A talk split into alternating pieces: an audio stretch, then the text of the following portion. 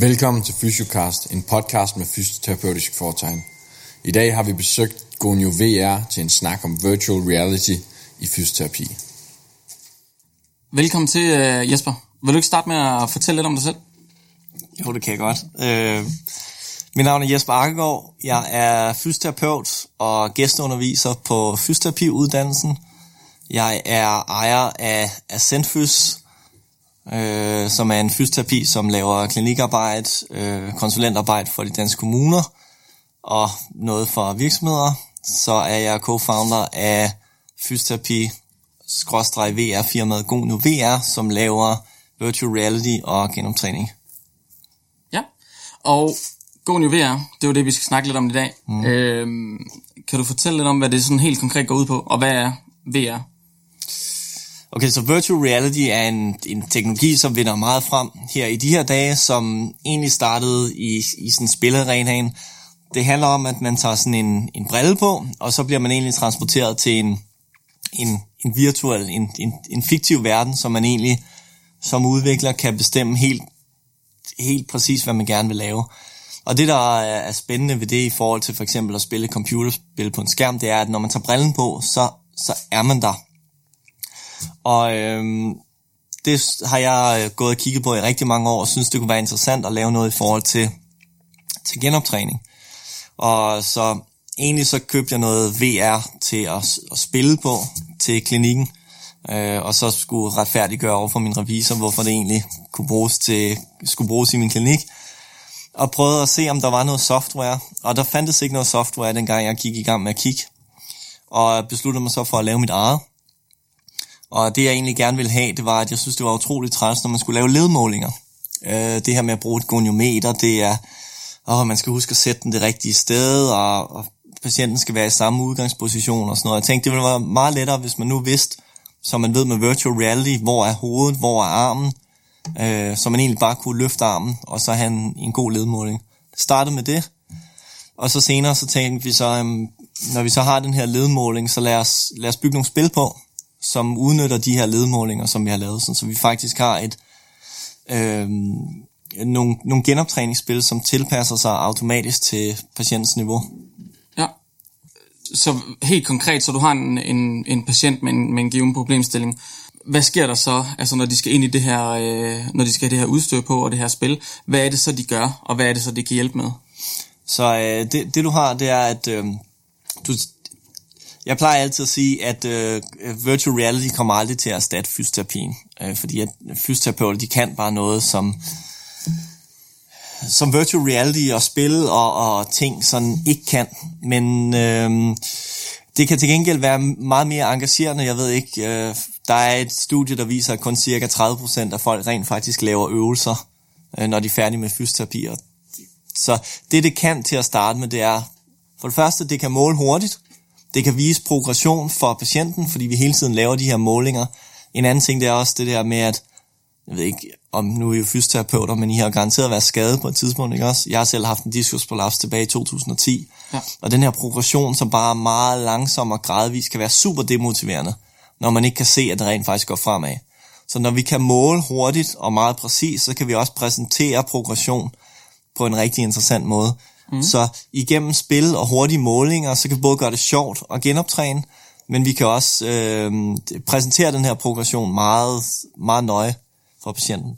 Ja. Og det eneste, det man, det man så gør, det er, at når man har lavet sin undersøgelse med fysioterapeuten, og når, når patienten er et sted, hvor de skal begynde at lave øvelser, øh, så tager man dem ind øh, til det her virtual reality træningsudstyr, som egentlig bare er et headset og et par controller, som man har i hånden.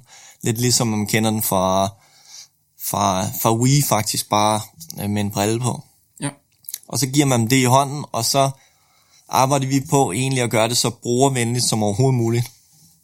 Så alting bliver egentlig forklaret inde i selve spillet. Ja. Kan det mening? Det kan, det kan rigtig meget mening. Super. Så, øh, så det er sådan et spil. Kan du give et eksempel på, øh, på en patient, som du har haft øh, med, en bestemt, øh, med en bestemt problemstilling, og hvad I så har lavet? Ja, altså øh, min, min idé var egentlig at øh, prøve at arbejde med impingement. øh, problematikker med det. Og der ved vi jo, at vi har den her painful arc, så når man løfter armen, så er det ligesom, som anatomien når et vis, vis punkt, øh, jeg kan ikke lige huske, om det er 70-110 grader, er det ikke cirka der, så vil der være smerte. Og det, jeg har oplevet sådan i min, øh, i min kliniske praksis, det er, at faktisk så, det, der giver mest mening, det er at arbejde i den smertefri bevægbane, og så stille og roligt udvide, sådan, som patienten får det bedre.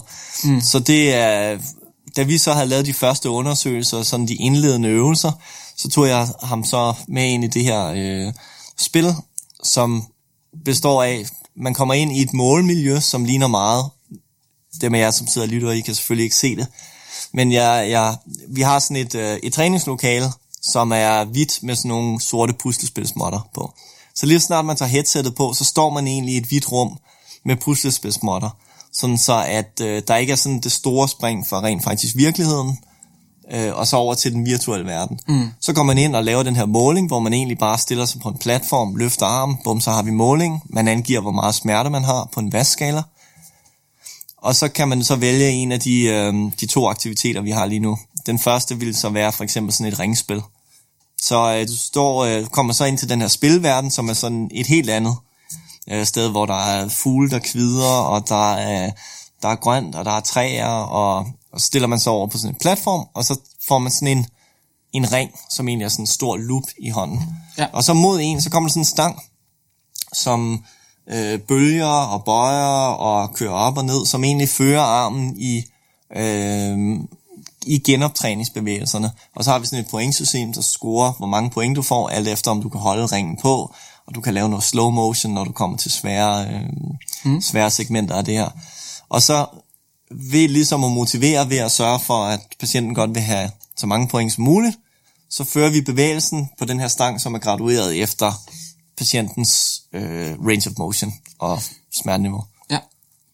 Så det er også ligesom en... Øh, altså, at at de starter sådan stille og roligt ud, og så holder den sig ind, når du spiller spillet, så holder den sig inden for det, Lige som er smertefri. Lige præcis. Og så bygger I langsomt på senere hen, eller hvordan? Fordi det, der, det der så vanligvis er, øh, min erfaring øh, klinisk, det er sådan fra session til session, medmindre der er et eller andet, der går galt, mm. øh, så vil den smertefri bevægebane stille og roligt udvide sig.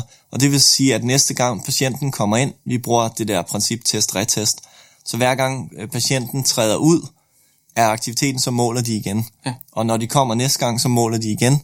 Og så vanligvis, så vil vi så se, at øh, hvad hedder det, bevægeligheden er steget. Ja. Så lige snart du laver den måling, så er range of motion større, og det vil sige, at spillet graduerer efter det, og så stille og roligt, så, så bygger du så på. Så det fungerer også som et måleredskab? Lige præcis. Ja. Det er, og det er jo derfor, det hedder Gonio VR. Yes. Øhm, hvornår er det sådan relevant at bruge til hvilke patienter? Har I et eller andet... Øh, er der en bestemt gruppe? Er der nogen, hvor I ikke synes, det er relevant? Øhm, ja, altså, jeg vil, jo, jeg vil jo sygt gerne væk fra det neurologiske område. Øh, men vi bliver ved med at blive spurgt, om det også er relevant der. Ja. Og, og det, er, det er super relevant til de neurologiske mm. patienter, fordi at der er det her med, at øh, du kobler den, øh, den visuelle cortex med den motoriske cortex, når du lige pludselig kan se en arm, mm. som du måske har neglect i og sådan noget.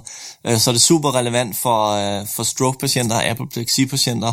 Øh, vi skal til at køre et stort case study og måske noget forskning på to hospitaler. Jeg kan ikke helt afsløre, hvad det er for nogen endnu. Det må jeg vist ikke. Nej. Øh, I forhold til postoperative patienter, jeg vil sygt gerne have, det var egentlig min indledende tanke, at når folk for eksempel har fået lavet skulderindgreb, så er der øh, sådan et sæt her øh, tilgængeligt på, øh, på stuen, og så bliver de bedt om at spille x antal minutter i løbet af dagen, indtil patienten, eller hvad hedder det, jo, indtil patienten skal se fysioterapeuten.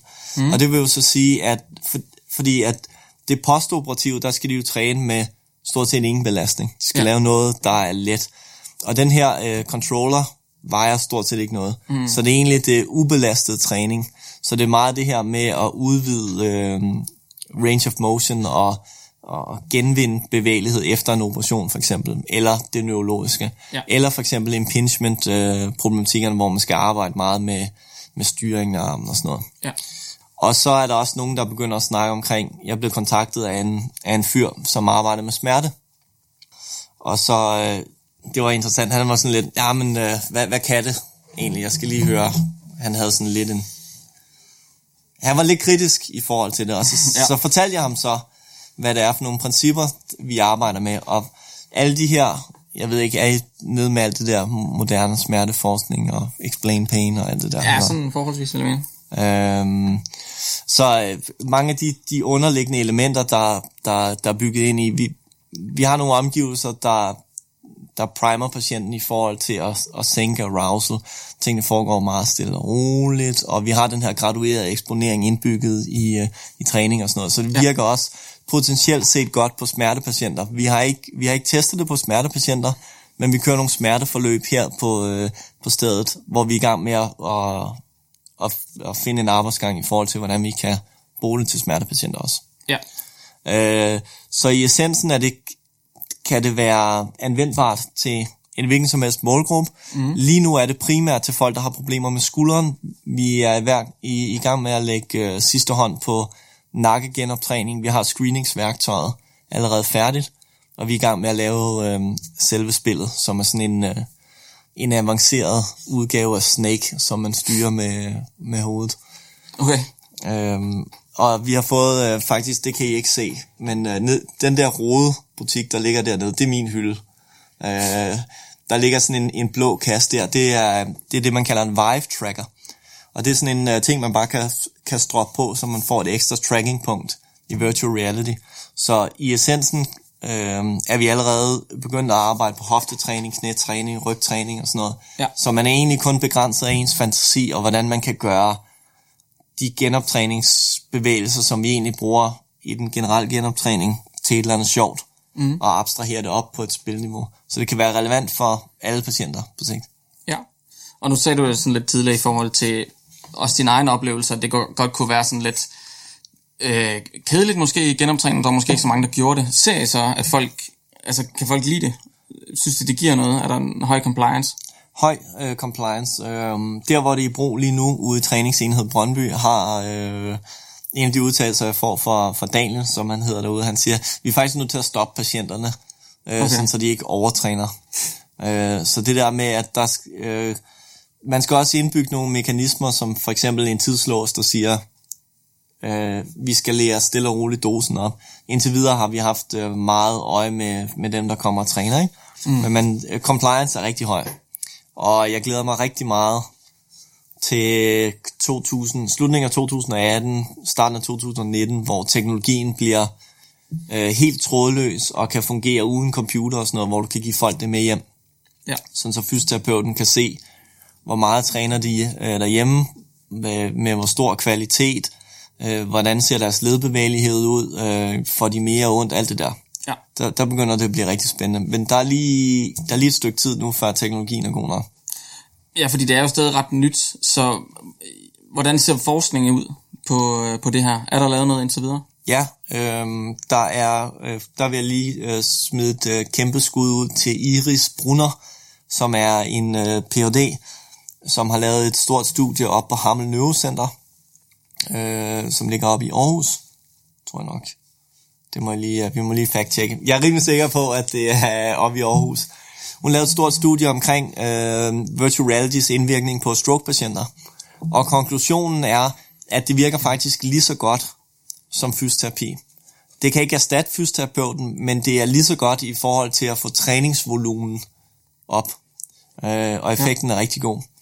Øh, det vi godt vil i gang med, det er, at vi har to bachelorstuderende fra Metropol, som jeg godt kunne tænke mig, at vi lavede sådan et, øh, et studie på effekten, hvor vi tog uh, ja, selvfølgelig en kontrolgruppe, som ikke laver noget, nogen, der modtager konventionel, oh, konventionel fysioterapi, og så nogen, der øh, bruger virtual reality og se, hvor langt vi egentlig kan komme. Ja. Uh, der er rigtig gode sådan, øh, anekdoterne vil sige, at det virker rigtig godt, men det endelige bevis, det har vi ikke helt endnu. Ja. Men det kommer vi til at få, når vi går i, uh, når vi går i test på hospitalerne, og får lavet de her bachelorprojekter.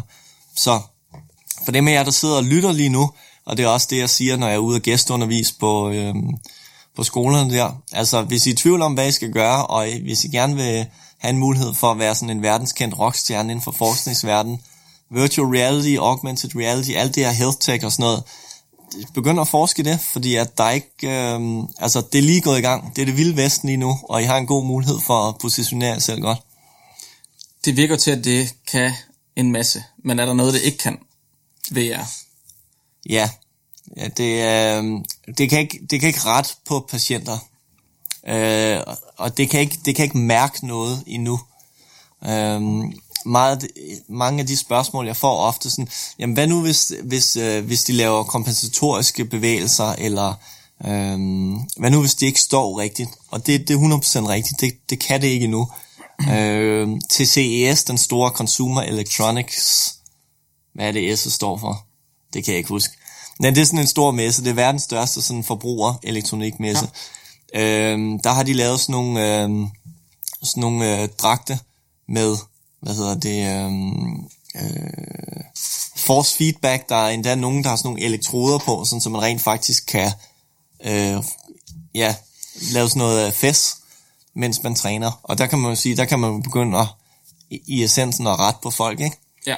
Øhm, men lige nu er du afhængig af udvikleren til at... Øhm, jeg har faktisk lige skrevet en artikel på Medium omkring Uh, titlen er uh, Problemet med T-Rex-arme i, uh, i virtual reality, fordi folk har en tendens til at have deres arme i hvileposition, sådan albuerne flekteret, uh, og sådan tæt ind til kroppen, hvor vi oftest i genoptræning gerne vil have dem til at strække armene. Så en, en, en stor opgave for udviklerne, det er, hvordan sørger vi for at, at, um, at få patienterne til at lave de rigtige bevægelser. Og det er sådan den store udfordring, hvor man skal tænke kreativt som udvikler. Ja. Hvordan får man egentlig folk til at, at strække armene? Og der har vi fundet ud af, at ofte så har det at gøre med, at uh, enten så skal man give folk en, uh, en pistol i hånden, så har de en tendens til at strække armene, eller også skal man bede dem om at række efter et eller andet. Ja. Så for eksempel, de står på mål, og der kommer en håndbold lige uden for deres rækkevidde, sådan så de skal række efter den. Uh, og det er sådan nogle små workarounds, man må lave lige nu øh, med teknologien. Ja. Altså, vi kan jo ikke, vi kan jo ikke røre noget af det, som bliver rigtig spændende også, når, når teknologien bliver mere trådløs, og vi kan give folk det med hjem, det er, at vi jo i essensen kan lave en opfølgning. Vi kan sidde hernede på kontoret og lave en opfølgning med en, som er potentielt set på den anden ende af verden. Mm. Men øh, udfordringen øh, er der jo, at vi kan ikke gå ind og røre patienten som teknologien udvikler sig, så kan vi begynde at se mere og mere af kroppen, og øh, vi kan interagere mere og mere med folk og give cues og sådan noget, men vi kan ikke, vi kan ikke røre dem endnu. Men jeg tror, det kommer. Ja. Nu har der været meget ind på sådan, at, at det er meget sådan bevægelighed og, og hvad hedder det, løft øh, skuldrene ud, strakt arme og så videre. Kan man lave noget med, altså er der blevet lavet noget med vægte? Ja. Altså vægtbærende øvelser? Der er faktisk lige lavet en øhm, øh, på CES, sammen med Mayweather, Mayweather Boxing. Det er sådan et uh, fitnessspil, som Floyd Mayweather faktisk har udviklet. Jeg kan ikke lige huske, hvad det hedder. Jeg kan godt, uh, vi kan lige prøve efter podcasten og, og ja. finde et link.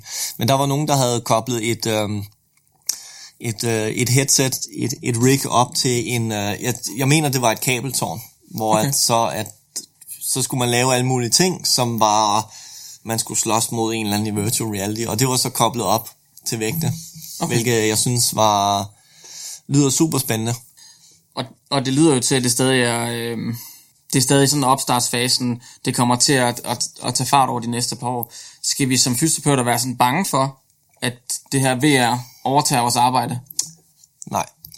Øhm, en ting, jeg også siger, når jeg er ude og undervise, fordi det er, et spørg- det er et spørgsmål, som jeg også hører tit, og jeg plejer at svare det med det her citat, øh, at øh, teknologien kommer ikke til at erstatte fysioterapeuter, men øh, de fysioterapeuter, som arbejder med teknologi, de kommer til at erstatte dem, som ikke gør. Fordi teknologien, velfærdsteknologien, kom, gør sit indtog, og det er, det er faktisk politisk bestemt. Der er kommet sådan en, øh, en udmelding fra Digitaliseringsstyrelsen, hvor de siger, at øh, kommunerne og regionerne skal til at implementere velfærdsteknologi, sådan så vi i essensen kan, øh, til, kan gøre mere for de samme penge. Så, så det kommer, men som jeg har sagt hele tiden, at det, det kan ikke erstatte det fysioterapeuten kan. Det vi prøver at gøre med vores system, det er at lade det være en vækstangsarm for fysioterapeuten. Så for eksempel, øh, en af måderne, han bruger det på ude i Brøndby, det er, at når de laver, øh, når de laver cirkeltræning, så har han virtual reality som en station. Og det, der jo så er smart, det er, at når alle, når alle patienterne har været igennem den her station, så ved han, hvor ondt de har, og han ved, hvor meget bevægelighed de har. Så han sparer alle de der enkelte hvor han skal ind og lave de her ledmålinger. Og man kan sige, det kan jo ikke lave anamnesen for ham, men det kan fortælle noget om, øh, hvor mange øh, smerter og hvor meget bevægelighed de har. Så der kan han spare en masse tid. Og han kan også, det vi arbejder på, det er sådan et, et kæmpe terapeut-dashboard, hvor han kan overskue, eller hun, eller hun, eller et eller andet midt imellem, nu skal man passe på, hvad man siger, ikke? Øh, hvor man kan overskue alle sine, alle sine patienter, så man kan se, okay, frøken Jensens bevægelighed og, øh, falder, og hendes smerte stiger bare. Her der er altså en, øh, en rød alarm, her skal vi sætte ind. Så det er sådan en, øh, vores intention er, at det kan ligesom skabe flere varme hænder, i det det er lettere at identificere, hvem der virkelig har brug for det. Ja. Så det er vel bare noget, man skal lære at implementere. Men hvad så med dem, som måske ikke er så, hvad skal man sige, øh, gode til teknologi? Ikke er en hej til øh, computer. Er det nu, de skal til at tage sig sammen? Altså, det frække svar vil jo være at sige ja. øhm, det, jeg, det, jeg synes, man skal gøre, det er, at man skal gøre brug af sine kollegaer. Øh, for dem, der sidder ude på hospitalerne, og dem, der sidder ude i det kommunale. Og selvfølgelig også de, øh, hvad hedder det, de private og ydernummer, klinikkerne der. Der er sædvanligvis, og det her det er demografien, der er en ung mand mellem 20 og 40, som har spillet computerspil. Og enhver ung mand eller ung kvinde, som har spillet computerspil, de vil have let ved at finde ud af den her teknologi. Ja. Vores teknologi er distribueret igennem øh, Steam-platformen, som er øh, verdens største øh, spilplatform. Så hvis man kan finde ud af at bruge Steam, så kan man også øh, finde ud af at bruge det her. Der er måske noget i forhold til indkøb af udstyr. Det eneste, det egentlig kræver, det er bare en computer, og så det her udstyr. Øh, virtual reality udstyr. Og så, så er det selvfølgelig noget, jeg plejer at sige også til, til de håbefulde. Og det, øh, jeg kommer også til at tale på fagkongressen omkring, hvordan man bliver udvikler som fysioterapeut.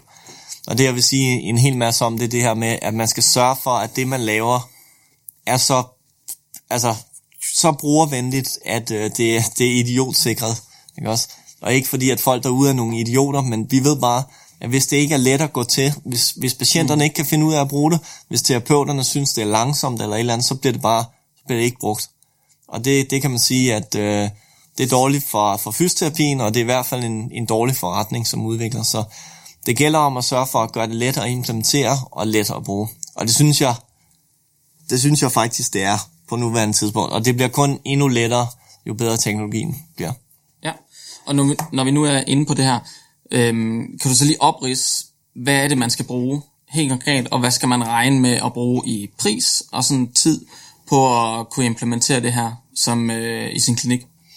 Så øh, hvor meget øh, tekniske specifikationer skal jeg gå i? Altså, hvis vi holder det sådan lettere overfladisk, øh, så synes jeg det, altså, så, så tror jeg alle er med. Okay, okay så øh, i essensen, du kan køre det enten fra en stationær computer, eller du kan køre det fra en, fra en bærbar. Jeg har lige købt en, en bærbar, som ligger sådan i den, den ligger ikke i den høje ende, den ligger sådan i, i mellem medium og høj ende af, hvad, hvad man vil anse for at være en, en bærbar. Den skal have, den skal have evnen til at kunne spille et, et middel computerspil, egentlig.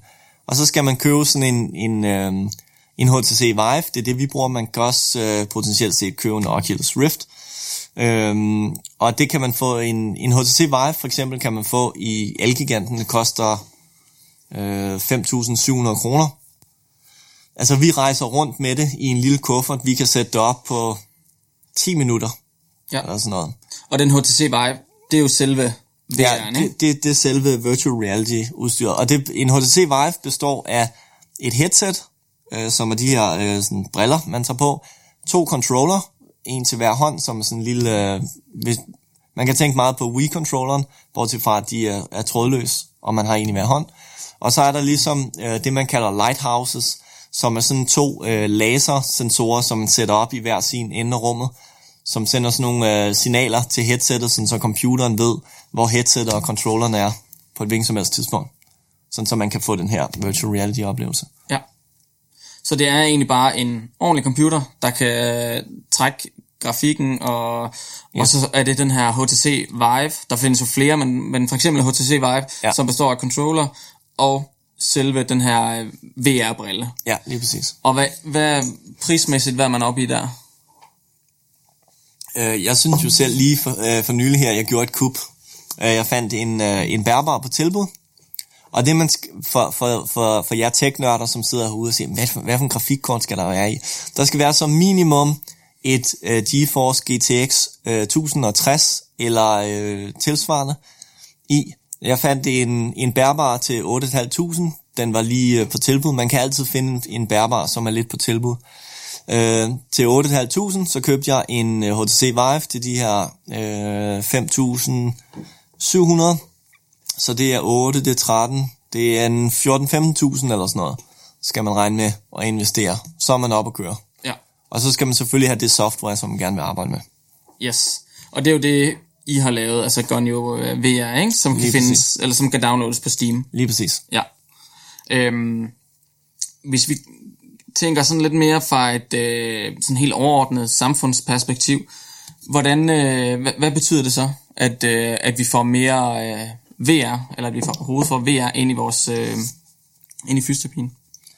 Um, øhm, min sådan øh, fremtids prediction, eller forudsigelse, det er, at altså, bare, hvis vi kan bare pille en lille bitte smule med den der compliance rate på cirka 30%, der er, når folk går hjem og laver, laver genoptræning. Altså hvis vi kan den, få den op på 40%, måske endda 50%, det betyder jo en enorm forskel på, hvor lang tid et genoptræningsforløb øh, tager. Altså vi ved bare, at jo mere, jo højere compliance rate der er, desto bedre er outcomeet. Så hvis vi kan, lad os bare sige, for syns skyld, at vi kan, vi kan få compliance rate op på 100, fordi at øh, folk har de her VR-briller med hjem, og det, det er simpelthen bare så sjovt. Altså så har du et, øh, et genoptræningsforløb, som måske kun tager halvdelen af tiden. Og øh, rent øh, samfundsøkonomisk, det ved jeg ikke lige, hvad det betyder, men umiddelbart så er det mange millioner og potentielt set milliarder, man sparer, hvis folk bliver hurtigere færdige med deres genoptræning. Ja. Så øh, altså, i forhold til genoptræning kommer det til at betyde en super masse. I forhold til, øh, til uddannelse, øh, der, der, altså, der eksploderer min hjerne hver gang jeg tænker på, at øh, for eksempel bare sådan noget, som de har lavet sådan en, en træningssimulator til radiologer. Så at du får den her brille på, og så kommer du ind, og så lærer du at bruge en røntgenmaskine. Så i stedet for, at du skal have øh, øh, praktikanter, der står i kø til at bruge en, en røntgenmaskine, øh, og bruge, jeg ved ikke, hvor mange penge det koster at fyre sådan et billede af, eller en MR-scanner for den sags skyld, men det koster nogle, øh, det koster nogle knapper. Mm. At lave sådan.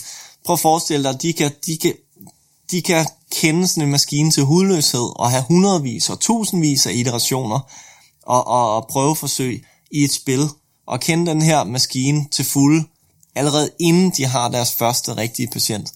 Det, det, det skærer jo indlæringstiden super meget ned, så både sådan i forhold til genoptræning, i forhold til læring, også i forhold til kognitiv træning og sådan noget, der er jo øh, apps, hvor man kan arbejde med fobier og sådan noget nu, der er sådan, det kommer til at, øh, det kommer til at ændre det hele, tror jeg. Det er sådan en, en game changer, ja. når det sådan for alvor begynder at komme ud i hjemmet.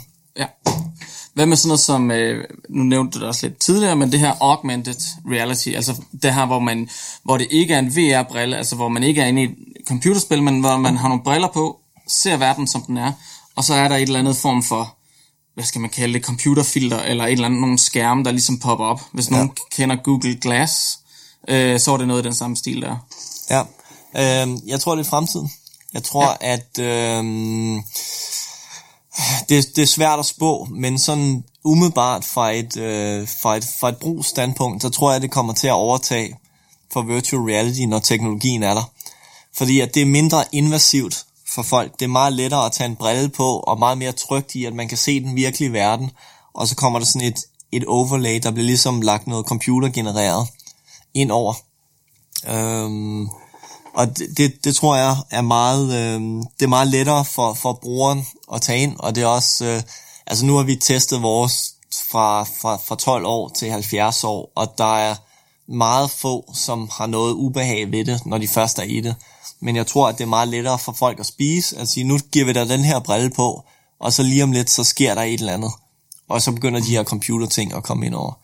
Øhm, problemet med augmented reality lige nu, som jeg ser det, det er, at øh, øh, teknologien er ikke øh, der, hvor den skal være. Magic Leap, som er sådan et, et milliard investorprojekt, har lige kommet med en brille, som skulle være ret god.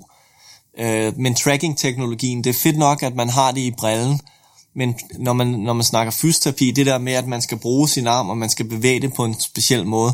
Hvis man ikke ved præcis, hvor armen og skulderen og alle ledene er, så er det rigtig svært at lave øh, genoptræning med kvalitet, i min optik indtil videre.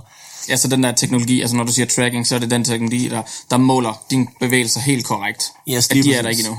Så evnen til at, evnen til at spore ledenes position, det, det er det, jeg mener med tracking. Ja. Øhm, og så længe at tracking-teknologien ikke er der, så har jeg svært ved, og det er også derfor, det er også derfor, vi afholder med at, at, at give folk genoptræningsøvelser med hjem, fordi vi har faktisk, derovre ligger der faktisk et, et kit med Samsung, en Samsung-telefon og et, et Samsung VR-kit, som man egentlig godt kunne give folk med hjem, men tracking-teknologien er bare ikke god nok mm. til, at man kan sikre nogen som helst form for kvalitet med det ja. endnu.